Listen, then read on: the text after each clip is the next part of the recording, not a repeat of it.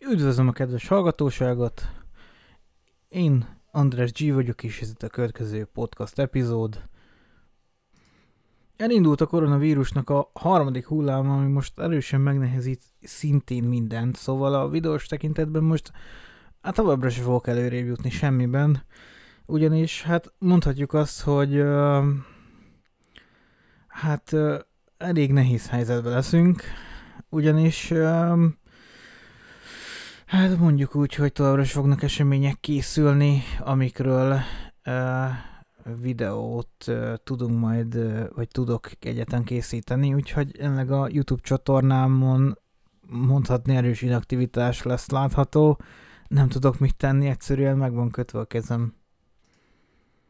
Ami garantált változás lesz, az nem más, mint hogy rendszeresebben fogunk podcastot csinálni, és uh, hát különböző témákat majd mindig össze fog gyűjteni, ami úgymond erősen érintheti azon dolgokat, amik uh, aktuálisabbak. Mint például most a stádiás dolog. Um, jelenleg ott tart a dolog, aki nagyjából utána szokott olvasgatni, hogy milyen dolgok történnek, az ugye olvashatta, hogy a stádiával manapság egész erősen leágazó hát a Google által egész erősen leágazó tendenciák jöttek létre. Egyik dolog az az, hogy ugye a Google bejelentette, hogy a felhő szolgáltatásaiból ő nem fog most már ö, saját játékgyártói oldalt fenntartani, úgyhogy ezt, ezt megszüntette, az nem kell neki. És ö, Ebben a dologban nagyon sok emberben felmerült az, hogy a Google most már feladta az egész mondhatni stádiával kapcsolatos dolgokat, és inkább, inkább úgy döntött, hogy egy kicsit visszahúzódva megvárja, még esetleg népszerűbb lesz újra a felhőszolgáltatása, vagy megszünteti, hogyha át, ha nagyon sok gyártó nem igazán akar az ő felhőszolgáltatásában bármit is elérni. Amit be kell látni, hogy nagyon erős gondok vannak a Google-nek a stádiájával, és én is nem véletlenül nem használom. Uh, a, nagyon elkorcsosult az egész Google rendszer, és nagyon megnehezíti a mindennapi működést. Uh, én, mint eddig például használtam végtelen fotótárhely, az is megszűnt, azt hiszem az előző videóban arról kitértem jobban, hogy vagyis az előző podcastban abban jobban kitértem, hogy én inkább most már az Amazon fotót használom, és nem véletlenül, ugyanis ő teljes felbontásba tudja tárolni a, azokat a fotókat, amiket én szeretnék későbbiekben eltárolni, illetve az a kényelem, amit egy felhőszolgáltatást tud adni, hogy bárhol, bármikor elérhetem, és bármikor megoszthatom más személyekkel, vagy éppen az adott érintett személyekkel, az számomra egy iszonyatosan jó kényelmi szolgáltatás, hogy nem kell azért hazajönnöm, főmásolnom egy pendrive-ra, elvinnem neki, lemásolni egy pendrive, pendrive-ról, hogy aztán később tudja használni, hanem egyszerűen felhős szolgáltatáson keresztül kattintok egyet, és tessék itt a link, és törzs le, és használ azokat a tartalmakat, amik ö, éppen neki szüksége van, vagy mit tudom én róla készült a tartalom, szóval hát mondjuk azt, hogy egy nagyon erősen megkönnyített élethelyzetet tud adni maga a, az, hogy egy felhőszolgáltatásban van valami, akár most játékszolgáltatásról is beszélhetünk, de az, hogy például a Google Stadia esetében meg kell vásárolni külön a játékokat, hogyha ott szeretnénk használni, ugyanis egy teljesen külön platform, egy teljesen külön felhőkonzolnak nevezett dologról van szó, Szóval azokat a játékokat, aki ugye eddig megvásárolta mind a Steam-en, azokat a játékokat nem tudja használni Stadián. Nincs semmi összekapcsolási lehetőség, semmi, semmi olyan, olyan dologra nincs lehetőség, hogy megkönnyítse a játékosok életét, egyszerűen csak vedd meg a játékot teljes árba ö, a, még egyszer, mert, mert a stádia, és hát azon meg kell venni a játékot. Úgyhogy maga a felhőszolgáltatás számomra egy nagyon pozitív dolog, én nagyon szeretem használni, mind fotótárolás esetében is, ugye, főleg, hogyha végtelen a tárhely. Szerintem az Amazon nem nagyon fogja megszüntetni, illetve az Amazonon fogom kipróbálni majd inkább a, a Lunát, ami szintén felhő gaminges szolgáltatás,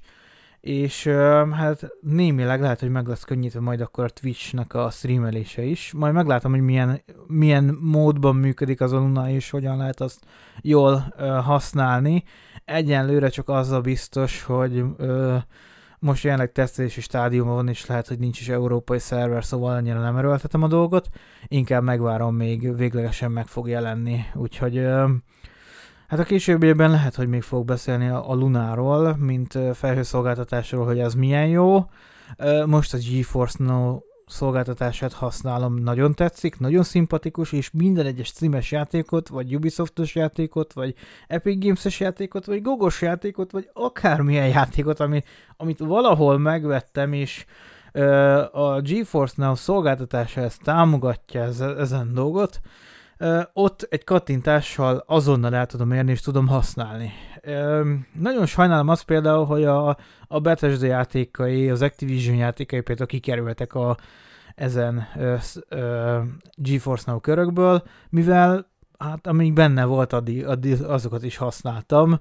Uh, mind a Fallout 76 iszonyatosan jó volt, hogy nem a gépemet szanaszét terhelte, az a optimalizatlan szar uh, felépítése a játéknak nem terhelte úgy szét a gépemet, hogy egyszerűen használhatatlan volt, illetve az is nagyon szimpatikus volt, hogy például az, a gépemen egyáltalán nem futó Call of Duty Modern Warfare uh, játék is uh, egy kattintással azonnal elindult és működött, és, uh, és élvezetes volt, és nem volt se késleltetésben, és semmi az égvilágon, iszonyatosan jót lehetett játszani vele, egy felhőszolgáltatáson keresztül, és most ugyanúgy felhőszolgáltatáson keresztül játszok például Cyberpunk-kal, ugyanúgy felhőszolgáltatáson keresztül játszok például a Watch Dogs Legion-nál, iszonyatosan jó játék élménnyel, szóval nem tudok rá semmilyen panaszt mondani, mert iszonyatosan jó játékélmény, illetve az, hogy az én uh, GTX 1060-am uh,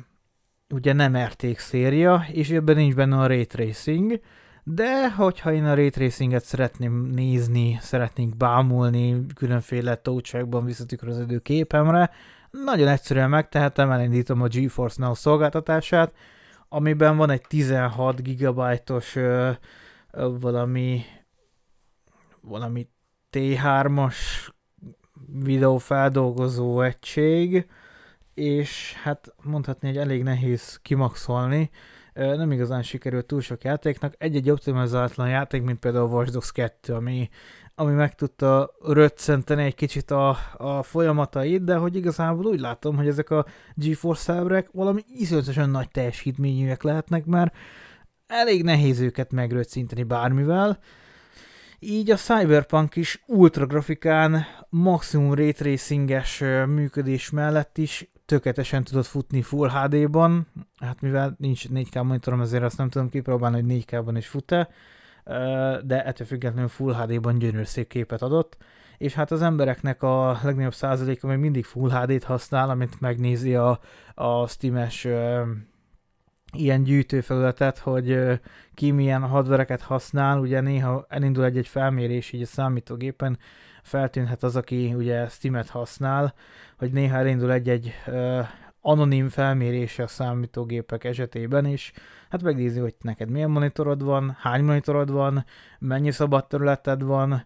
uh, stb. stb. Szóval mindent így felderít, milyen videókártyád, milyen procid van, hány magon, hány hercen, stb. stb. Azt így, azt így minden azonnal feltábláz egy pár másodperc alatt,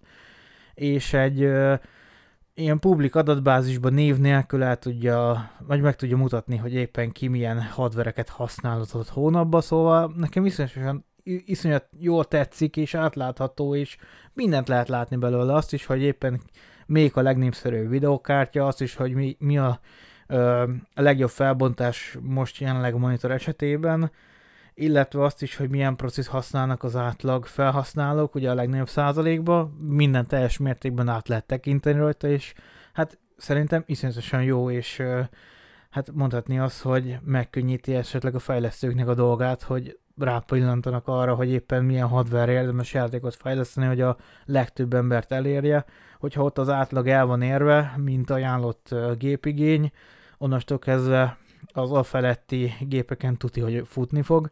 Én ezt látom nagyon sok játékon, akár a Cyberpunkról beszélünk, akár a Watch Dogs Legionről most, mint új játék, de nagyon sok játéknál azt láttam, hogy belőtték azt a középutat, hogy azokon a gépeken, amin a legnagyobb századékok futnak, azokon jól működjön, afelé mehetünk bőven, van egy hatalmas nagy felső limit, de iszonyatosan jól vannak optimalizálva, annak ellenére hogy Cyberpunk például iszonyat bugos és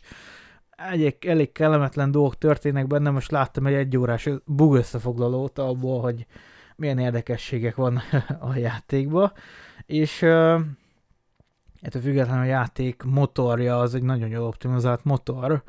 ami esetleg elképzelhető, hogy az megnehezíti a játékfejlesztőknek a, a egy-egy javítási folyamatát, hogy azon optimalizál, optimalizált rendszerre kell írniuk, és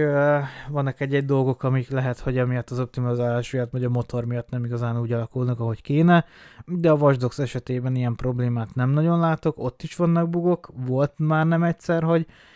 egy-két tárgy összeakadt, és furcsán elkezdett szikrázni minden, meg, meg stb. stb. Előfordulnak a bolg, de lényeges, lényegesen kevesebb, mint például a, a Cyberpunk esetében. Hát Ubisoft meg CD Projekt Red az nem egy és ugyanaz a gyártó, látszik is. Úgyhogy nem is annyira aggódok ilyen tekintetben. Uh, nagyon sok esetben a GTA-t hozzák föl. Én inkább a most, mint, mint új játék, inkább a Red Dead Redemption Red Dead Redemption 2-t tudom felhozni ilyen témakörben, ugyanis iszonyatosan jó a játékélménye, és nagyon jól el lehet vele szórakozni, szóval egy olyan uh, játékról lehet beszélni, amiben minden egyes kis szar részletre odafigyeltek, ez nem más, mint a Red, Red Dead Redemption 2, de ezt a gt is meg lehet figyelni, az, hogy az emberre például az eső esik, vagy a, lámpára, vagy bármire esik az eső, és annak hogy vízcseppeknek kell lefolyni, meg az emberen is ott vannak a vízcseppek, és hát ez, annyi minden részletre odafigyelnek a Rockstar games hogy az ami hihetetlen, és szerintem évek óta megy most is a GTA 6-nak a fejlesztése, és minden egyes kis apró szarra oda kell figyelniük, szóval megéri várni, azt mondom, hogy akármikor fog megjelenni így a GTA 6. része, megéri várni rá, még hogyha nem is felhő gamingbe fogjuk élvezni, mert hogy a, a GTA 5 sincsen ugye GeForce Now szolgáltatáson, nem is tudom egyáltalán elképzelhető, hogy maga a GTA egyik felhőszolgáltatásban sincsen benne. A Red Dead Redemption van benne a stádiába, azt tudom, de mivel túlságosan nem stádiáztam és meg kéne venni, ezért hát túlságosan sok tapasztalatom nincs ezzel kapcsolatban, hogy ott, ott hogyan működik. PC-n nagyon jól működik, az biztos. Szóval érdekesség az érdekességben, hogy ez a a Google általi felhőszolgáltatás most jelenleg az olyan stádiumban tart, hogy még peret, pert is akasztottál a nyakukba, mert nem igazán működik a 4K,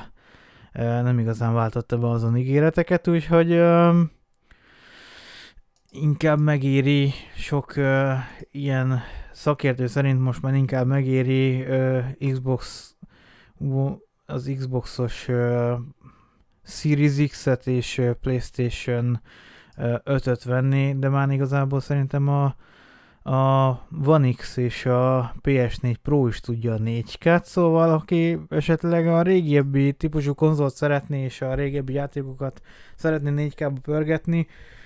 arra is ott a lehetőség, uh, igaz nem felhőszolgáltatásban, azt hiszem, hogy van felhőszolgáltatása a Playstation-nek, ez a Play Now, Now, nem tudom, hogy kell kimondani, ettől függetlenül, ha azt nézzük, hogy nem felhőbe akarunk játszani, hanem ott, a, ott, ott leülünk a tévé elé, vagy a monitor elé, és akkor rákötjük a HDMI-t, azt úgy játszunk, akkor simán meg lehet oldani ez, ezeket a dolgokat egyszerűen. Úgyhogy hát mondjuk az, hogy a 4K Gaming a stádiának nem jött össze, ezért most pereskednek, de hát most jelenleg a, a Amazonos Luna is ígéli, hogy hamarosan lesz 4K, majd meglátjuk. De mivel sok esetben nem tévén futnak ezek a ö, konzolok, így ö, nem érzem akkor nagy szükségét a 4K-nak, de hát mindenkinek a saját ö, dolga eldönteni azt, hogy most mennyire szükséges a 4K számára. Ö, Full HD monitoron nem nagyon fog változni a 4K, ha, ha 21.9-es monitorod van is 1080p felbontás véggel, akkor se fogod látni a 4K-t, szóval felesleges 1440p-be se fogod látni a 4K különbséget. Még 1440p esetleg fel lehet tolni ezeket a dolgokat, de igazából 4K-ra nem tudom, hogy mennyire érné meg feltolni. Én azon gondolkoztam, hogy ha például, amit hirdet most az Amazon Luna, hogy elkezd bevezetni ugye a game streaminges cuccára, ami hát ugye a felhő alapú játék, elkezdi bevezetni a, a 4K-t, akkor nem lesz esetleg a Twitch-en is bevezetve a 4K, ugyanis hogy a felhasználón vagy a, a játékosnak 4K lesz rögzítve, gondolom, hogy lesz Twitch interakció, így a Twitch, a Twitch felé meg csak a, a Full HD-t fogja streamelni, mikor képes egy felhasználónak átstreamelni a 4K-t, de a Twitch felhasználónak nem lesz hajlandó átstreamelni a 4K-t, nekik jobb a Full HD, mondjuk, mondjuk ez érdekes lesz, de elég gyanús nekem, hogy lehet, hogy be lesz vezetve a 4K uh, minőség, szóval remélhetőleg valamilyen szinten egy kicsit, kicsit át fogja rendezni a piacot majd az Amazon itt is. Elég sok mindenbe átrendeztem már a piacot, és elég sok felháborodás van abban, hogy az Amazon át akar rendezni a piacot, de hát ettől függetlenül úgy látszik, hogy működik, mert hogy attól függetlenül, hogy az emberek háborognak, mint például most a gyógyszerészeti részen, hogy most az Amazon például Amerikában szeretne gyógyszereket árulni, nyomsz a két gombot, ezt meg tudod rendelni a gyógyszereket, iszonyatosan megkönnyít mindent, főleg ilyen járványidőszakban, amikor mindent meg kell könnyíteni, és mindennek egy alternatív módját kell választani, hogy sokkal gördülékenyebb, sokkal dinamikusabb legyen mindennek a működése, akkor tény, hogy sokkal egyszerűbb azt kivitelezni, hogy a gyógyszereket is csak egy egyszerű gomnyomással meg tudod rendelni, és a házadhoz kerül, mit tudom én, rövid időn belül. Egyes államokban, egy-egy ö, ö, nagyobb városban is a pár órán belül szállítást is tudja garantálni az Amazon, meg a 24 órán belül szállítást is tudja garantálni az Amazon, szóval mondhatjuk azt, hogy elég durva ö, dolgokra képes tud lenni, és hát ö, sok esetben 24 órán belül egy, egy boltban nem biztos, hogy el tudok jutni, és a csomagom esetleg még ki is érkezhet, hogyha Amerikában lennék persze, ahol nem vagyok, de jelen esetemben is, hogyha azt nézzük, egy, egy hét, max. kettő hét, amíg kijönnek a csomagok a bármilyen európai városból, és hát valamilyen szinten drágább európai városból rendelni ezeket a dolgokat, szóval Amazonon úgy, úgy érdemes rendelni, hogyha többszörösével kevesebb az ára egy adott dolognak. Ö, például azért nem rendeltem mikrofont, vagy bármilyen egyéb dolgot, mert hát ráhúzza az adókat is, mert hát egy teljesen szabályosan működő európai szabályokat betartó rendszer az Amazon is, ezért, hogyha Magyarországon, Magyarországra rendelsz, akkor az áfát az például rátolja, ő azzal is tud számolni, minden teljesen legálisan működik, ha kell vámot is fizetted, de ö, azt hiszem, hogy Európán belül nincs vámozás, nincsenek vámhatárok ilyen cégek által, de hát az áfa az, az, az ott van, és hát az áfát az ráhúzza, szóval sok esetben a, a szállítás mondjuk 1600 forintos szállításból um, kikalkulál a végén 2800 forintot, ami a adott termék megrendelés akkor megjelenhet, mint mit tudom én, egy, egy 20 ezer forintos termék esetében elképzelhető, hogy 3000 forint körül lesz majd a szállítás, mivel azon rajta van az áfa, a magyar áfa, illetve rajta van a szállítási költség is, és ezért hát bele kell kalkulálni, hogy ez több ezer forintos árváltozás jelentett az adott termékben, mint ami ki van írva a főoldalra, szóval az, az bele kell számolni Amazonon.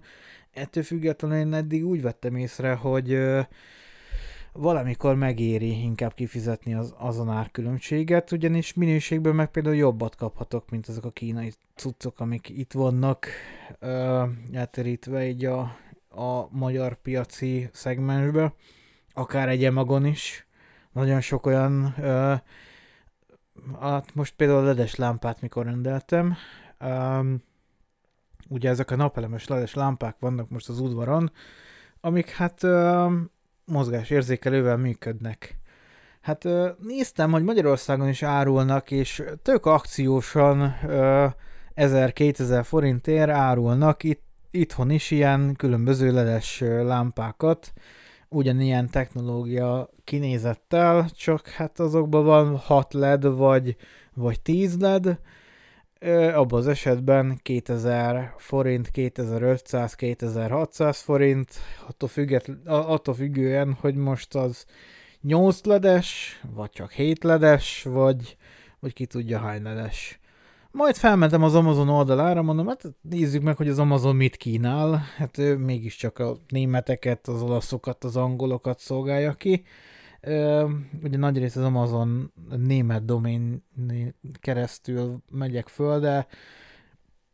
igazából globál Európából hozza dolgokat, szóval ez, ezek a lámpák például Olaszországból jöttek, amik, amik most itt vannak a falon,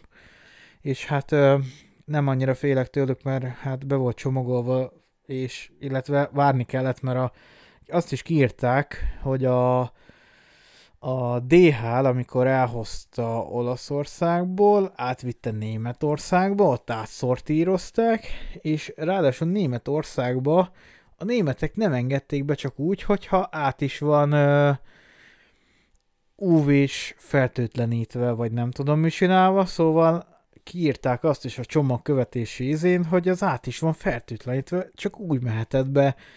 Németországba, hogy az oroszországi cuccokat szépen átfertőtlenítjük ilyen UV-fényjel. Igaz, hogy nem nagyon nyúlhattak hozzá amúgy a csomaghoz, mert berakták a kartondobozt a kartondobozba, és, és ennyi volt, de ettől függetlenül át kellett világítaniuk ilyen UV-s fertőtlenítő cuccal, és ezt én láttam a csomagkövetésben, hogy át lett világítva UV-s fertőtlenítő cuccal. Szóval annyira nem igazán féltem attól, hogy bármilyen dolgot elkaphatok, amúgy se hiszem, hogy ö, két hét után bármi is megmaradt volna a dobozon, de hát a németek azok lefertőtlenítették, úgyhogy még az a vírus, ami amúgy átjött volna, még azt is leölték a szegény dobozról. Hát nincs mit tenni, így, így működik ez a rendszer. Mondjuk én azt se hogy ö, például ö, volt a munkahely, amiről hallottam, hogy ugye megrendelte a fényképezőgépet, és a fényképezőgépet a mostani járvány időszak miatt el kellett rakni tallomba egy-két hétig, nem lehetett hozzá nyúlni, mert hát Covid van, és hát az csomag az más emberek kezén került ide. Hát én gumikesztyűvel, ha kinyitom esetleg a dobozt, ami egy másik doboz volt benne, szóval azt a dobozt így így, így abból kiemelem a magát a fényképezőt, nyilván becsomagolták, úgyhogy ezt a fényképezőnek a dobozat így kinyitom kesztyűvel. A benne lévő dolgot e, nagyon gyanús, hogy nem ebbe az évbe gyártották, hanem egy-két évvel megelőzően, és hát e,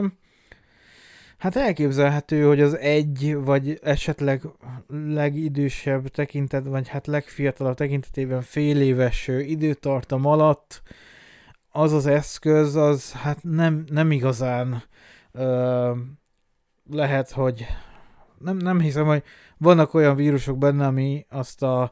időszakot túlélte, továbbá a gép nagy részt nem kézzel lett összerakva, hanem gépek által, szóval, hogyha azok a gépek hordozzák a vírust, akkor ott már gond van. De mindegy, ez az én nézőpontom, lehet, hogy hülyén látom a dolgokat, de hát mondjuk úgy, hogy nehéz ezeket, ezeknek a dolgoknak egy olyan oldalát nézni, ami valós oldala, szóval hát mondjuk azt, hogy uh, ezen mostani járvány időszak esetében is vannak érdekességek, és vannak kellemetlenségek is. Ezekről esetleg majd egy később időpontban még be fogok számolni, hogyha ezek, ezen kellemetlenségeken esetleg valamilyen szinten túlestem, akkor majd be fogok jobban számolni azokról a dolgokról, amik, amik így jobban érintenek engem így bármiféle témában, úgyhogy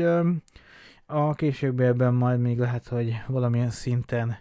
ö, hírhamisítás fogok, vagy hát ö, minek nevezik ezeket a dolgokat, ö, félelemkeltés, vagy, vagy, vagy, vagy, vagy nem tudom. Szóval, szóval mondjuk azt, hogy ö, sokak számára egy-egy, egy-egy körök számára lehet, hogy negatív értelemben fogok tartalmakat készíteni, és egy-egy köröket lehet, hogy zavar majd az a tartalom, amit én legyártok majd. Hát mindenkit, mindenkitől bocsánatot kérek előre is, hogyha azok a tartalmak, amiket le fog gyártani, az bármilyenféle zavart keltenek majd az erőbe, úgyhogy na, hát erről, erről ennyit. Na és hát öm, még mindig a nyomtatóval basztott. Folyamatosan basztat uh, az aqua.hu, igazából hirdethetek, mert nem fizettek semmit, és most egy negatív kritika jön. Az Epson tartályos nyomtatóival, mivel azok mennyivel kevesebb tintát fognak fogyasztani, meg elég egy szint kicserélni, meg stb. stb. és hogy használjam ezeket az ekotankos akármiket, de ha én nem akarom használni, mert nekem most van itt egy kanonom, amit nemrég vásároltam, nemrég vásároltam hozzá tintát, nem akarom kicserélni az Epsonra, bár az Epsonnak a az a tartás megoldása nem hangzik rosszul, de be kell látni, hogy a Canonnak is vannak tartályos megoldásai. Igaz, hogy ez a prémium nyomtató esetében van, mert ebben van fekete stabilizátor, meg színstabilizátor, meg ilyen hülyeségek, de ettől függetlenül van tartályos nyomtatója a Canonnak is és hát mivel én, én konkrétan csak azért használok Canon fénykép, vagy azért használok Canon nyomtatót, mert ugye a fényképezőgép színprofilját be tudom állítani arra, hogy a Canonnak a saját szisztémája alapján tudjon működni, és hát gondolom, hogy a nyomtató, a Canon nyomtató a Canon fényképezőgép szisztémájával egész erősen jól működik, úgyhogy ezért gondoltam azt, hogy például nem annyira akarom leváltani bármilyen más irányba, így a, így a nyomtatót még most jelenleg. Nem igazán érhet túlságosan negatív dolog, mert ha például átváltom sRGB-re, vagy Adobe RGB-re, hogy a, a szín módozatát a dolgoknak, akkor, hát akkor azt fogja használni. És például sRGB esetében is már bármit tud használni a, a nyomtató is, meg a monitor is, illetve, hogy Adobe RGB-t szoktam néha használni, vagy lehet, hogy most általában most azon berakva alap szintérnek, de ettől függetlenül én túlságosan nagy különbséget nem veszek észre a szinterekbe, gyönyörű szép képet ad Adobe RGB szintérbe is, és sRGB szintérbe is, bár lehet, hogy sRGB-re vissza kéne váltanom, mivel a monitorok elmeteg a 99,9 százalékos színhűséget sRGB-be vállalják, ami hát én úgy érzem, hogy meg is van. Két LG monitorom van, ami két különböző időszakban lett gyártva, és akárhova húzom a, a fehér szegmensét, mint most például ennek a hangfelvevő programnak is, mindenütt ugyanolyan szint produkál, szóval Gondolom, hogy egész erősen rámentek a színhűségre, mert hogy fontos ilyen monitorok esetében, ahol megígérik, hogy 99,9 99, hol, hol van írva? A dobozon rajta van? A sRGB over 99 százalék. Meg 1 millisekundumos válaszidőt ígér. Az még monitor? A 24. Akkor az a, a 16.9-es monitor, aminek egy mikroszekes válaszideje van. Egy mikroszekes motion blue reduction van. Aha. Akkor az nem azt jelenti, hogy egy MS válaszidő. Az csak azt jelenti, hogy motion blue. Na mindegy. Nem menjünk el ezekben a részletekbe bele. Um, nagyon sok minden tud a monitor, amit igazából nem tud. szóval, uh, nem biztos, hogy bele akarok menni ezen technikai részletekbe, mert azt mondták, hogy az IPS az IPS-nek nincs egy mikroszekes válaszideje. Um, ettől függetlenül egy mikroszekes motion blue reduction van a, a monitoromnak. Szóval most belemehetünk olyan dolgokba, hogy hogy van neki motion blue reduction úgyhogy igazából nincsen. Be tudom kapcsolni? Be tudom kapcsolni. És most már nincs kép. Ó, oh, most már van kép. És akkor Motion Blue Reduction van most bekapcsolva. És ez nekem jó, ha most ez be van kapcsolva. Így nem igazán látok különbséget, mint eddig. De be van kapcsolva. Na, nagyon jó. Szóval hát élő podcast események történnek, és hát ez, ez már nem igazán tartozik bele azon műveletekbe, amit én beszeretnék mutatni. Úgyhogy térjünk át a következő témakörre ami nem más, mint egy szponzorátlan ö, hirdetett ö, teszt, ami hát ö, azon alapul, hogy különböző, most, most már hát elég szépen tágacsra nyílt az a lehetőség, hogy ki lehessen próbálni különböző ilyen ö, hát megoldásokat arra, hogy, hogy konferenciák, vagy bármilyen oktatás, vagy bármi egyéb dolog ö, úgymond ö, megrendezésre kerüljön, vagy hogy lehet ezt szépen fogalmazni, de lényeg lényege, hogy ugye most már nagyon sok olyan opció van, hogy különböző dolgok, különböző szolgáltatásokon keresztül lehessen mondjuk konferenciázni, oktatni, vagy bármilyen dolgot végezni, ami hát fontos a mostani távoktatásba, vagy távmunkába, hogy, hogy e-, ez a, ezek a szolgáltatások ugye működjenek, és Különböző szolgáltatásokat teszteltem le, és most erről szeretnék egy kicsit ilyen saját módú kiértékelést beszélni. Lehet, hogy mindenkinek eltérő, internetfüggő, vagy számítógép függő, vagy csak szokás függő, de úgy igazából én végig tapasztaltam azokat a szolgáltatásokat, amik ugye manapság működnek, és ezek a szolgáltatások például egyik fő ismerve, hogy minél több ember tudnak összekapcsolni, és érdekesség az érdekességben, ugye ezekben a dolgokban elméletileg, ami számomra is meglepő volt, hogy így, így bármit megnéztem, így, így mindenből arra következtetésre kellett jutnom, hogy a Google, ami, ami a legjobb szolgáltatást tudja nyújtani, még most jelenleg, de szerintem még a későbbiekben sem lesz rá túlságosan nagy panasz. Ugyanis egyik ilyen úgymond általam Uh, hát nem tudom mennyire, de legjobban utált, de mégis sokak által használt szolgáltatás az, uh, az, a, az a Skype Meet, vagy nem tudom minek lehet mondani. Uh, mindenki vitatkozhat azzal, hogy mennyire sokan használják ezt a szolgáltatást. Uh,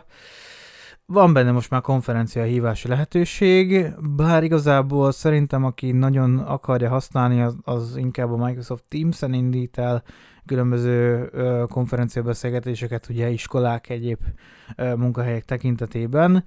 de azért az nem teljesen egyszerűen ingyenesen működik, még a Skype-ra kattint kettőt, és akkor már is elindult a dolog, és hát nagyon szörnyű kapcsolata van. Azt hiszem, hogy még ott a Meet esetében is, a Skype Meet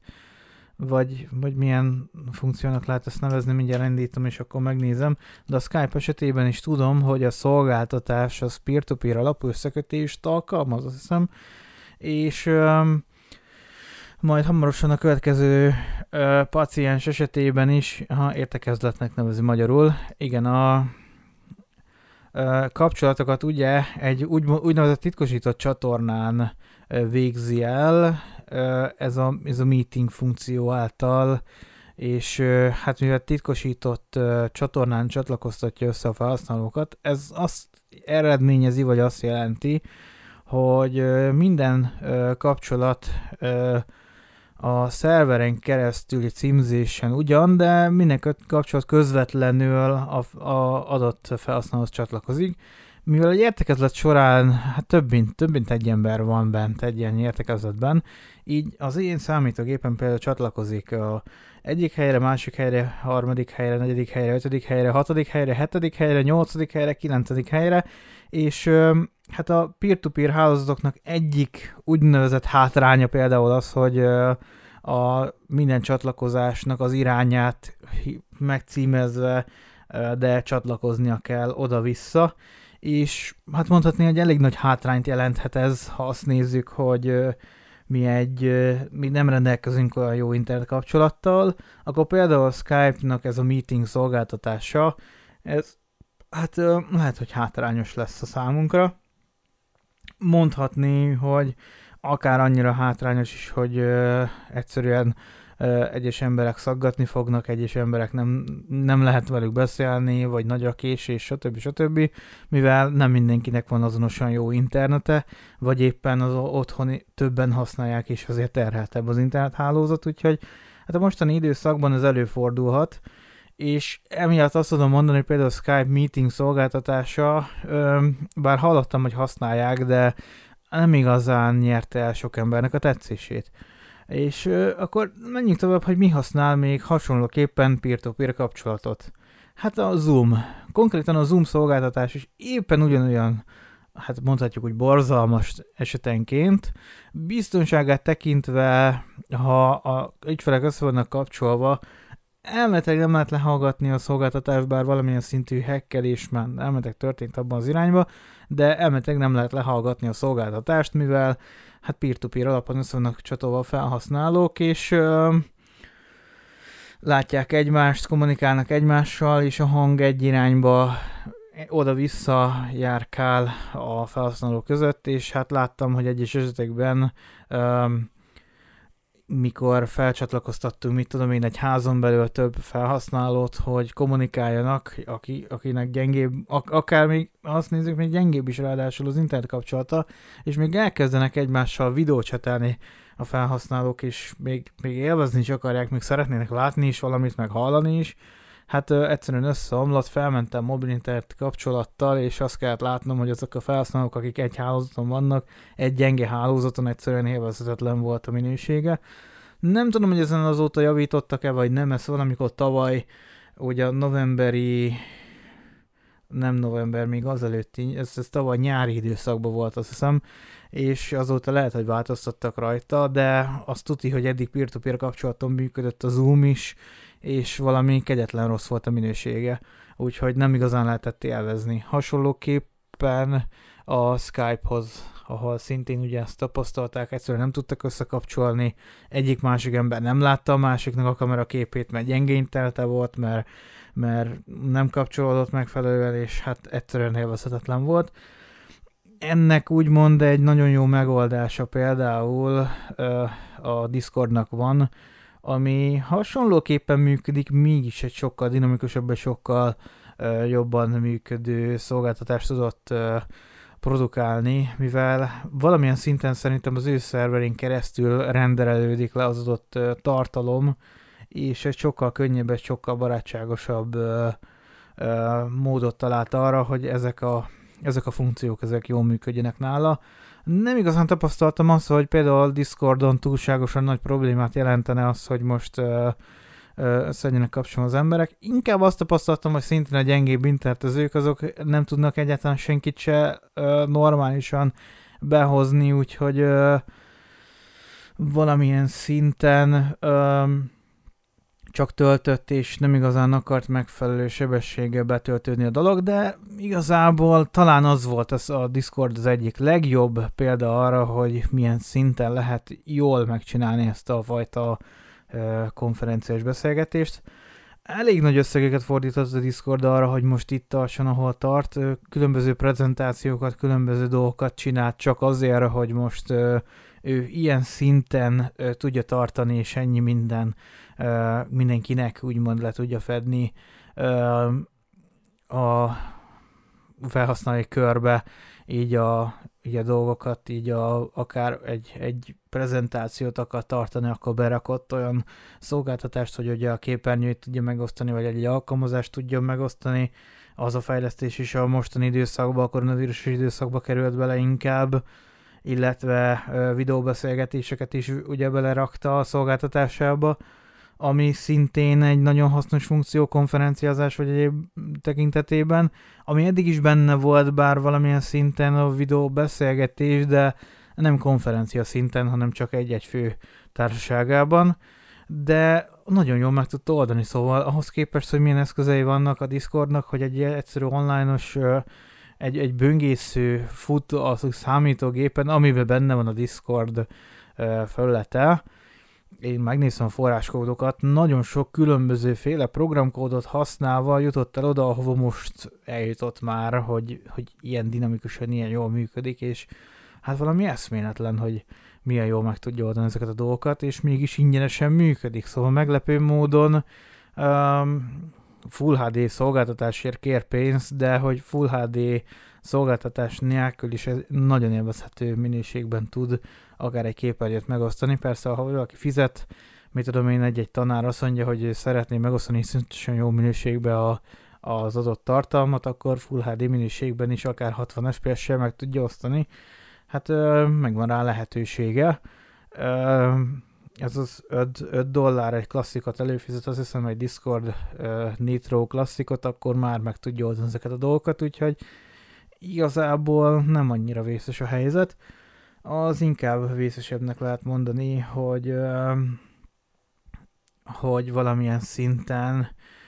van egy minimális korlátozás benne, de szerintem amennyire én tudom, egy elég magas számot raktak be, egy, egy ö, osztályteremnyi ember rá tud csatlakozni és meg tudja nézni a élő közvetítést, úgyhogy annyira, annyira felemelték a limiteket, hogy ne legyen probléma akár oktatás terén, akár ilyen konferenciabeszélgetés terén se. Az tény, hogy én azt vettem észre, hogy egyetlen hátrány van, ami és nagyon sok ember esetében problémát jelenthet, akinek nincs felhasználó, nincs, nincs felhasználói fiókja, az ugye nem tud becsatlakozni egy, egy konferencia beszélgetésbe, és hát ide jutottunk el akkor, hogy a következő általam tesztelt és jól működő szolgáltatás, amit én, amit én most megszerettem, és uh, legutóbb is használtuk egy ilyen uh, konferencia beszélgetés során, az nem más, mint a, a Google Meet szolgáltatása, uh, és ez a dolog az, amire azt tudom mondani, hogy meglepően jól működött. Mindent felhő alapon intéz, ugye hát a Google felhő alapú összecsatolása működik, ami annyit jelent, hogy mindenki a szerverre küldi az adott tartalmat, és a szerverről tölti le az adott tartalmat, így csak mondhatni, hogy egy két irányú csatlakozás van, nem e, mindenkinek peer-to-peer becsatlakozik, hanem te felcsatlakozol a, a Google szervereire, és a Google szerverei meg elküldik neked az adott tartalmat, képet, videót, bármit, amire a, ami ö, adott a, a dologban, és az egész egy böngészőben működik, nem kell külön program hozzá, illetve külön fiók sem nagyon szükséges, mert egy egyszerű linkkel bárki rácsatlakozhat bárhonnan, bármikor, úgyhogy igazából azt tudom mondani, hogy a legdinamikusabb, legjobban működő szolgáltatás az a Google Meet-es szolgáltatás volt, aminek ugyan most még azt hiszem áprilisig bejelentették, hogy 2021 áprilisig még ö, nincsenek limitációk,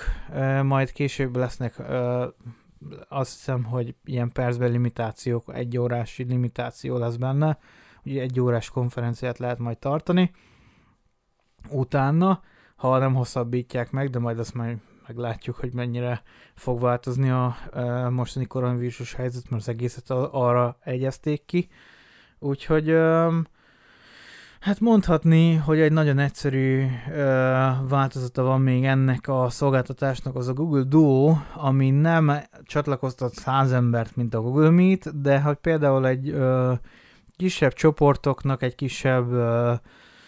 létszámú, akár ilyen foglalkoztatásnak is, egy online foglalkoztatásnak, egy bármilyen ilyen kis egyszerű összejövetelnek is nagyon egyszerű, és azt hiszem, hogy korlátok nélküli funkciót tud biztosítani a Google Duo szolgáltatása, úgyhogy az szintén telefonon böngészőben ugyanúgy elérhető, csak ugye az a, az a úgynevezett nem vállalkozói, nem céges rétegnek, meg nem oktatói rétegnek, hanem egy olyan rétegnek, aki konkrétan otthon ül és ö, ö, szeretné felhívni a, a, mit tudom én, a kosárkört, egy ö, 12 fős kosárkört szeretné felhívni egy egyszerű konzultációra, hogy akkor most hogyan és miként fog alakulni a következő mérkőzés. Például, hát nem tudom, most felhoztam egy példát, hát hogyha jó példa lesz, de konkrétan erre nagyon jól működik, és szintén ugyanolyan felhőszolgáltatáson keresztül megy, mint a Google Meet, úgyhogy mondhatni egy ilyen personal Google Meet-es funkciónak lehet mondani a Google Duo-t, ami végül is a FaceTime-ot szeretné utánozni, szóval az nem tudtam letesztelni, szóval azt nem tudom a listába behozni, mivel nincsenek Apple termékeim, hogy FaceTime-oljak, és annak az a hátránya, hogy az arra le van ö, ö, úgynevezve korlátozva, hogy csak Apple-ösökkel tudsz FaceTime-olni. Ö, hasonló érdekesség, ha már ezt megemlítettem, hogy apple és Google-ös dolgok, ugye van a Google üzenetküldő SMS kezelő szolgáltatása, ez a Google üzenetek, Google Message, nem is tudom pontosan, hogy hogyan nevezi így maga mostani időszakában magyarul. A Google Message szolgáltatás tud olyan, mint például az Apple-nek a, a szolgáltatása, hogy hát nekem át van nevezve a Google Messenger, de mindjárt meg is nyitom. Tud egy hasonló Messenger-t ér, így is, úgy is, jó. Tud egy hasonló funkciót most már, ugye az androidos telefonokat össze tudja kötni, és meg tudja azt oldani, hogy egyfajta hát SMS szolgáltatásnak tűnő funkción keresztül, de interneten keresztül küldi el az adott tartalmat mindenféle pluszköltség nélkül. Arra kell figyelni, hogy akinek például küldött az üzenetet, ott a elküldő kis papírrepülőcskén ne legyen SMS vagy MMS felirat, és ez azt jelenti, hogy neked is megvan az a funkció, és a partnerednek is megvan az a funkció, illetve hogy üzenet vagy csevegés indítása, vagy csevegés, vagy valami, valami csevegéssel kapcsolatos funkciót ír, de lényeg lényege, hogyha ez a funkció neked aktív, mert neked is már fenn van egy ideje, ez a Google üzenetküldő szolgáltatása, akkor olyanoknak tudsz küldeni, akiknek szintén ugyanez a szolgáltatás fent van, illetve amit hallottam, hogy a Samsung is be akarja vezetni az üzenetküldő szolgáltatásába ugyanazt a protokollt, amin, amin ez alapul, és hát be kell látni, hogy akkor ö, erős ö, megoldásokat tud annak érdekében nyújtani, hogy mindenféle plusz üzenetküldő egyéb szolgáltatás nélkül tudjál beszélgetni az ismerőseiddel, barátaiddal, stb. Uh, ugye az iMessenge-es cucc, ami, ami Apple-ön működik, és ugyanezt a, a funkciót ellátja már egy jó ideje, de hát úgy döntött a Google, hogy ő is indít egy ilyen megoldást, és ez konkrétan akár még azt is meg lehet oldani a későbbiekben, hogy az Apple-ös termékeken is lehessen küldeni Google-ről, ami megint egy olyan késdöfést adna szerintem az, az én szemszögemből egy késdöfés, késdöfést adna magának a, a, a Apple-nek, hogy itt az a szolgáltatás, ez nálad is van, és nálam is van. Én találtam ki, én, én működtetem, és mindenkinek nyújtom, akár számítógépen is el tudod érni, PC-n, Linuxon, Uh, ugye Windows-on, Linuxon, Macintoson, mindenen el tudod érni egyszerűen webes felületen is, meg, meg mindenhogy, és, és Google-nek pontosan ez a egyik előnye, hogy cross-platformba hát a webet használva cross-platformban mindenhova elérhetővé tudja tenni az adott dolgokat, úgyhogy ebben a tekintetben például nagyon szeretem a Google-nek a termékeit, hogy ő ezt meg, meg tudja oldani, és egyszerűen ö, működteti ezeket a dolgokat, meg tudná csinálni, hogy például YouTube se legyen ö, Apple-ös telefonon, meg ö, semmiféle Google szolgáltatás, vegyél, vegyél csak Androidot, és az Androidon fut csak a, a YouTube. Ha YouTube-ot akarsz nézni, akkor csak Androidot, Androidot használjál. Ha mit tudom én, uh, mi, milyen szolgáltatásokat lehet még a, Google-hez be van, Gmail-t is csak Android telefonon tudja használni sehol máshol. Ha Androidod van, akkor, akkor megérdemled a Gmail-t, amúgy meg rohadjál meg. Ezt az elméletet, ha használnánk, mint, mint például az Apple használja ezeket a dolgokat, akkor hát egy sokkal érdekesebb világa lenne, hogy lenne egy két egymástól elkülönülő világ,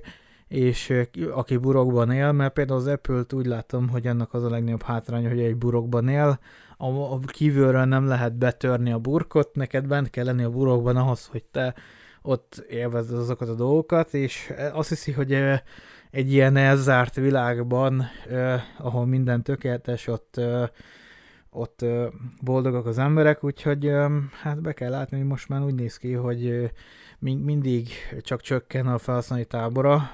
Nem igazán hajlanak az embereknek, a legnagyobb többsége nem igazán hajlik arra, hogy csak csúcs telefont vegyen, mert mind szép és jó, hogy ugye itt vannak ezek a csúcs telefonok, és, és ő csak olyat gyárt, csak a csúcs telefonoknak az egyetlen nagy hátránya globális szinten nézve,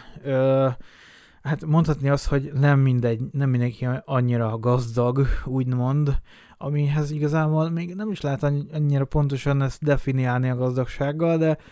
de mondhatjuk úgy, nem mindenki annyira gazdag, hogy most mindenki meg tudja magának venni az Apple-ös telefonját, az Apple-ös csúcs telefonját, illetve hogy használt dolgokban még például ennyire nem bízik, mert hogy most példálozhatunk, hogy használtan ennyibe kerül, meg használtan annyiba kerül. Um, vettem már használt termékeket, és meg tudom mutatni, hogy beraktam a fiókba. Um, most panaszkodhatok, meg hisztizhetek, de használt termék esetében hát nincsen garancia. Szóval mondhatni, hogy meg tudom venni a használt terméket, és vagy működik, vagy nem, vajon miért adta a adott személy, vajon lecserélte, vagy valami problémája volt vele, vagy, vagy ki tudja, és hát használt termékek esetében vannak olyan dolgok, amiket tudok mutatni, hogy beraktam a fiókba, és, és szar. Szóval eladták azért, mert nekik annyira nem volt jó, működtetni tudták még, előttem volt, és és, és láttam, hogy működött, de azután mondhatni, hogy kuka. Szóval nagyjából, nagyjából ennyit tudok elmondani ezekről a dolgokról, és uh, nagyjából ezt akartam így körülvázolni, hogyha valaki tervez egyfajta egy ilyen konferencia beszélgetést, vagy bármilyen dolgot, ami ilyen szinten um,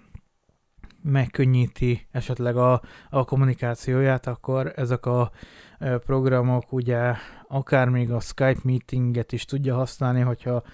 nem probléma, mert mit tudom én, gigabites munkahelyi hálózatra van mindenki fölcsatolva, akkor nem igazán jelenti ez problémát, de hát Magyarországon nem ez a tendencia, szóval mondhatjuk, hogy nem ismerek nagyon olyan cégeket, akár itt, akár itt ebbe a városba se, aki mindenki gigabites internet hálózaton csatlakozik föl. Szóval ezek a, ezek a 20-30 megabites hálózatok, amik egy-egy vállalkozásnak éppen elég, meg olcsó, és ez a lényeg, és hát mondhatni, hogy ezzel nem, nem igazán könnyű jó minőségű konferenciákat lebonyolítani, szóval már az én 500 megabites, 500 megabites internetem az már drága ahhoz, hogy most ö, ö, spórolós ö, kapzsi cégek ö, ilyenek, ilyen hálózatokba fektessenek bele. Lehet, hogy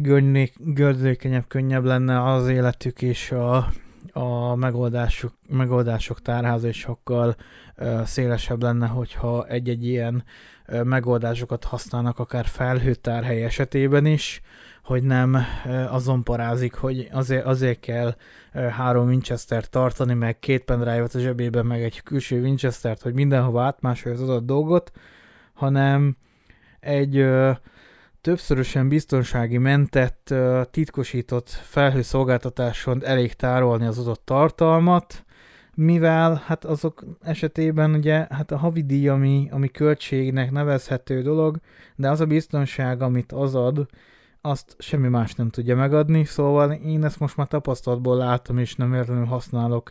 nem véletlenül volt a, megemlítve nagyon sok esetben, például a,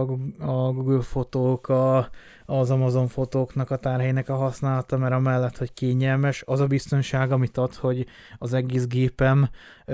ha most kigyullad, akkor is megvan minden egyes fotóm, az a biztonság, amit ez ad, az uh, szinte, szinte semmihez nem fogható, szóval hát mondhatni, hogy uh, egyfajta uh, erős biztonságot ad maga az, hogy most felhőtárhelyen vannak az adatok, és nagyon sok régi módi ember van, aki ehhez nem tud hozzászokni, aki e- ennek teljesen az ellentétét vallja, hogy most miért, miért rossz felhőben tárolni az adott dolgot, mert a felhő rossz, mert azt mindent le, lenyomoznak, a kormány, mint a, mint a Huawei esetében is, hogy azért gyártja a Huawei telefonokat, hogy minél több emberhez eljuttassa, és minden, mindenkit le tudjon hallgatni, nyilván. Ez is egy olyan hülye gondolkodás, hogy, hogy igazából bármi, bárki bármilyen telefont vesz, mindent lehet hallgatni a legszarabb nyomógombos telefont is ugyanúgy le lehet hallgatni, meg nyomon lehet követni, szóval, hogyha valaki nagyon nyomon akar követni valakit, hát mindegy milyen telefont vesz, ha elektronikai dolgokkal kerül ö, kontaktba, ami felcsatlakozik valamilyen hálózatra, akár mobil hálózatra, akár csak ö, wifi-re, bluetooth-ra, valamire, onnastól kezdve már hát lehet, hogy erősen nyomon követhető, szóval ha valaki szeretne ö, szeretné elkerülni azt, hogy, hogy nyomon kövessék, akkor hát költözön amis farmokra, ahol ugye nincs telefon, meg, meg semmilyen elektronikai eszköz. Az amis farmokon szerintem nem paráznak azon, hogy őket követi a, a Huawei, követi a kínai kormány, vagy bármi, mert nagyon egyszerűen meg tudják oldani a dolgot, nincs nekik okos telefon, se semmilyen telefon, és tök jól el vannak, szóval ö, maximum egy kém műholdak követhetik, hogyha ott járnak felette, de más, más nem igazán tudok elképzelni, úgyhogy ö, nagyjából el, erről ennyit szerettem volna. Ez így a, a februári záró podcast adásom, úgyhogy találkozunk most már tavasszal, mert ö, hát most már indul a tavaszi ö, nagy pangás időszaka, ami hát ö, már, már a következő hónapban, márciusban már ugye itt is van, szóval még alszunk egyet-kettőt, ugye most van 26 a péntek, ami azt jelenti, hogy ö, kettőt kell aludni, és még ö, még a februári időszakban maradhatunk, de már elég egészen tavaszias volt az időjárás, és hát a hétfő napot meg már a munkában mindenki tavasszal fogja kezdeni, úgyhogy hát kivéve az, aki a munkába szombat-vasárnap is dolgozik, hát elég sokan vannak ilyenek, de most tekintsünk el attól, és most nem menjünk bele ilyen részletekbe, az átlagot nézzük meg, mindenki dolgozzon pénteken estig, mindjárt kiárási tilalom van, 19 óra 50 perc, úgyhogy mindenkinek köszönöm a itt létet, és hát mivel hát már nem mehetek sehova, egy 10 perc múlva biztosan, de nem, igazából most már feleslegesen indulni, mert 10 perc alatt sehova nem érek el, úgyhogy kezdjünk el gamingelni, megláttam, hogy ebből tudok-e most streamet varázsolni, vagy nem, de um, biztosan biztos uh, ez a podcast már készen van, úgyhogy mindenkinek köszönöm, aki itt volt velem, és akkor találkozunk tavasszal, sziasztok!